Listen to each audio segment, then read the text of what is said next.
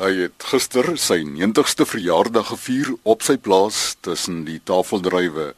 Oom Martin van die kerk van die plaas Rondog in die distrik van Vredendal het sy kinderdae in die Swartland deurgebring waar hy ook kennis gemaak het met sy wederhelf. Op 'n respe gedek, die het Juffrou ontmoet toe daar kom skool was. En toe vra vra of sy wil my sal trou, sy sê ja, op een voorwaarde. Sy wil agterstoof hê en wil op 'n plaas woon. Nie. Ek het toe gewen, sy toe met my getrou en toe sy self afgesien van die agterstoof en die plaas het sy toegegee dat dit se bate. Nou die plaas waarna u verwys is die plaasnaam Rondog net so 'n paar kilometer ehm um, buitekant Vredendal.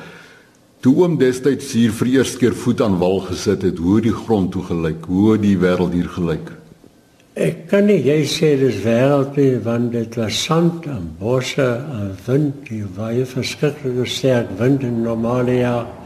En dit was nie 'n mooi gesig om te aanskou nie maar uh, met wilskrag en haar ondersteuning het ons dit aangepak. Kom ons het maar begin met tomaties wat totaal aangeplant is in Vredendal. Ons het groot gegroei daarmee. Toen naar aan gegaan naar Vinger toe. Sultana drywe vir die uh, inmaakfabriek. En toe die kelder drywe het ons nooit jy sukses mee gehad nie. Maar toe ek begin bemark ons drywe. Sover gaan om te sê dat die meeste tafeldrywe is op buitegrond geplant. Met die gebruik van uh, druppelsproeiing wat ek begin het hier op Vredendal, het die ding so uitgekring dat dit wel moontlik is om die druppelsproeiing seker dubbel soveel hulle of meer produseer. Hulle het my toe gesien dat sende kussie drywe aangebied wat nou die hout ingesluit het en die vervoer. Dit was houtkussies. Ons het niks geweet van die tafeldrywe nie. Ons kom nie goed afgesny en gepak en ek het woester toe geneem. En daar is die drywe toe nie goed genoeg vir uitvoer nie. Ek het self daar vir sy moet dit uitvoer nie. Hulle in die koelstore gesit 'n bietjie Johannes wat hy gesê om dit wou nie daar verkoop nie. Toe hulle daar word gestuur in in haar. En daar die eerste keer in my lewe vir 'n kussitafeldrywer 1 rand 80 gekry. Wat vir my eintlik 'n vreeslike groot geld was. Watter jaar was dit gewees? Dit was in die jare 68. En die praktyke wat die tafeldrywe boere gevolg het daardie jare in vergelyking met vandag, hoe verskil dit? Wel wat net dit betref, is die wingerde nog dieselfde in, in die hersofeer. Daar's baie goeie boere, baie netjiese mense. Ons het nog gesukkel om 'n standaard te kry by ver van die mark af, by ver van die koelkamers af. Maar ons het eintlik reg gekry om daarom ook koelstore te hê en vervoer. En ons het deur Unifruco bemark wat dit baie makliker gemaak het. Jy gee vir hulle die drywe, hulle doen die bemarking. Vandag moet jy amper jou eie bemarking doen deur jou agente. Om dit so ewe verwys na die drupstelsel wat jy vandag volg, het dit ook met jare verander? Ja, die drupstelsel het baie verander. Eers moet jy die krane gaan stel met die hand en later as dit die drolies gewees. En vandag kan ek dit van myself vanaf doen so die drukstelsel verbeter die metode van toediening. En is nou interessant geweest ons het nou vandag rondgry hier op die plaas. Alles is vandag omtrent onder net.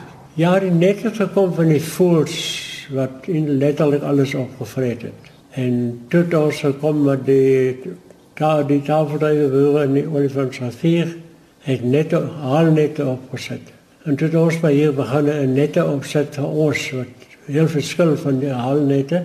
Vandag werk ons om plat en ons maak alles wat ons plan toe onder net en die voorskade is minimaal en ons het baie beskerm teen die wind. Nette het baie uh, voordele. Die klimaat, die mikroklimaat in die tenthuise is heel anders as wat die buitekant is. Jy kan dit aanvoel as jy instap. Ek dink jy ons dink jy is aan 'n tafeldryf te plant sonder net nie.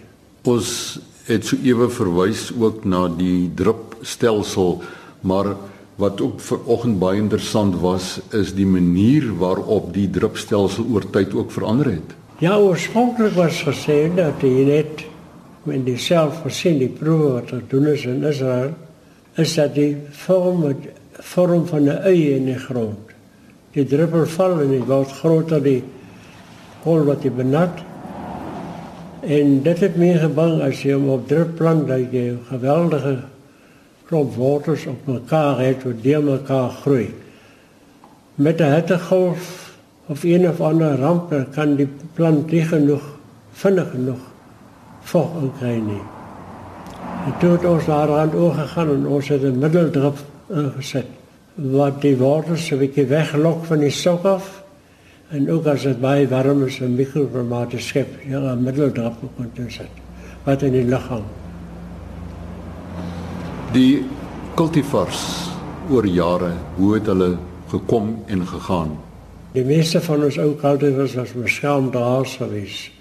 So daar 'n geweldige verandering gekom in die tafeldrywe baie baie variëteite te veel om te onthou. Natuurlik as 'n mens dink aan die tafeldryf stok dan dink 'n mens aan snoeipraktyke wat ook oor jare verander het. Ja, die praktyk vir tafeldrywe is om alles weg van die grond af, met die nethuise is dit hoog weg van die grond af. Op die selfs is dit ook verander. Die manier wat dit gedoen het nou om pale weg pale is byna onkrygbaar duur om die binnewerk van die tonnels wat ons het met uh, draad te werk is ook baie oulik. En dit werk vir my baie uitstekend baie deurligting en dit kos minimaal. Ek het begin om kabels deur te trek van die pale in 'n hutvorm maar die kabels is duur en die kabels roes baie maklik en ek het nou gegaan en gesien dat staaldraad die gewone plat staaldraad doen dieselfde werk en dit nie meer nie en dis 'n fraksie van die prys. So alles wat jy aanplant gebruik is nou die die staaldrade binne in die nethuise. Maar die plant van die paal het oom ook al so gemekaniseer dat dit baie maklik geskied. Ag ja, ons het 'n dikker laurel waarmee ons die palle vandag plant. Ons uh, plant hom met belyn en jy maak net 'n plekkie vir die paal om te staan. Alles moet natuurlik nou mooi vierkantig wees. En dan druk jy die paal met die uh, groot masjien in. Dit is 'n minuut of 2 dan staan 'n paal. Oestyd.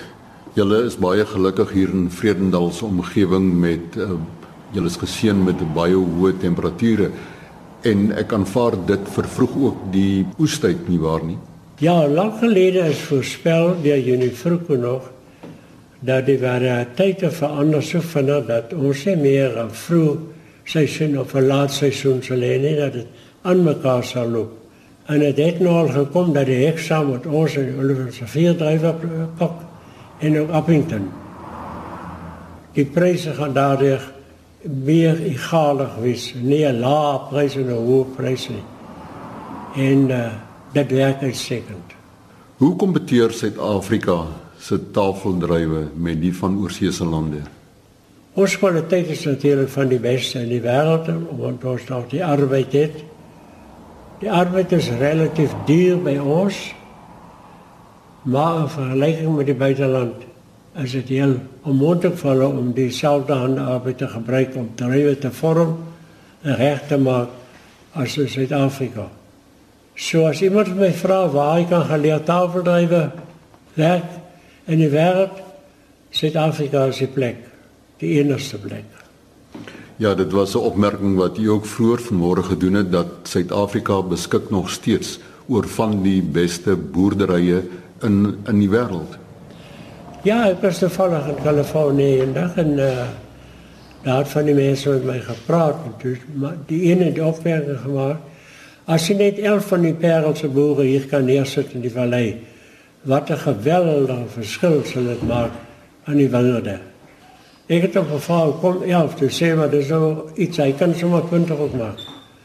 Maar dis die indruk wat die boere geskep het in die perd en ook in die heks.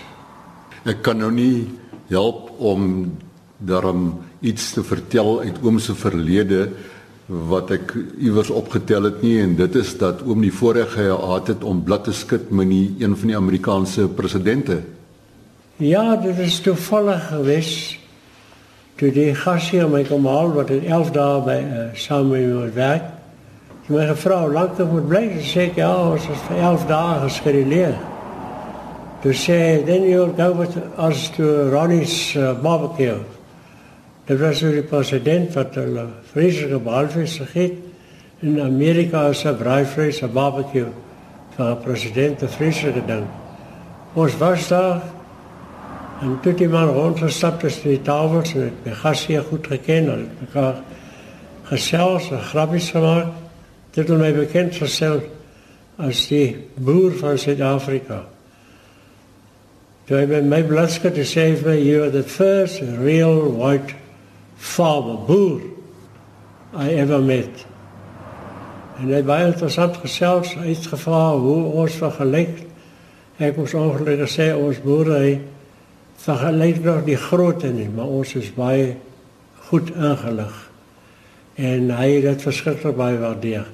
Toe ek ver oggend hier by oom se kantoor aanklop, toe sê die dame vir my, "U is iewers op die plaas met die motorfiets." En kort daarna toe hou oom hier stil met die motorfiets. Met ander woorde, u is nog elke dag aktief in die boerdery. Wat lê vir die volgende 10 jaar voor? Ek is elke môre as ek nog opstaan, dankbaar dat die Here my gespaar en die gesondheid gegee het en die wysheid daarvoor elke dag bid is om hierdie redelike groot uitdagings vir ons te hanteer. Ek is baie dankbaar daarvoor. Ek gaan ongelukkig nie daar aftel na my einde toe nie. Ons hartlike gelukwense aan oom Martin van die kerk van Vredendal met sy 90ste verjaardag en mag daar nog vele nuwe tafeldryf kultivars uit sy pakstoor na die buiteland koers kry. Groete.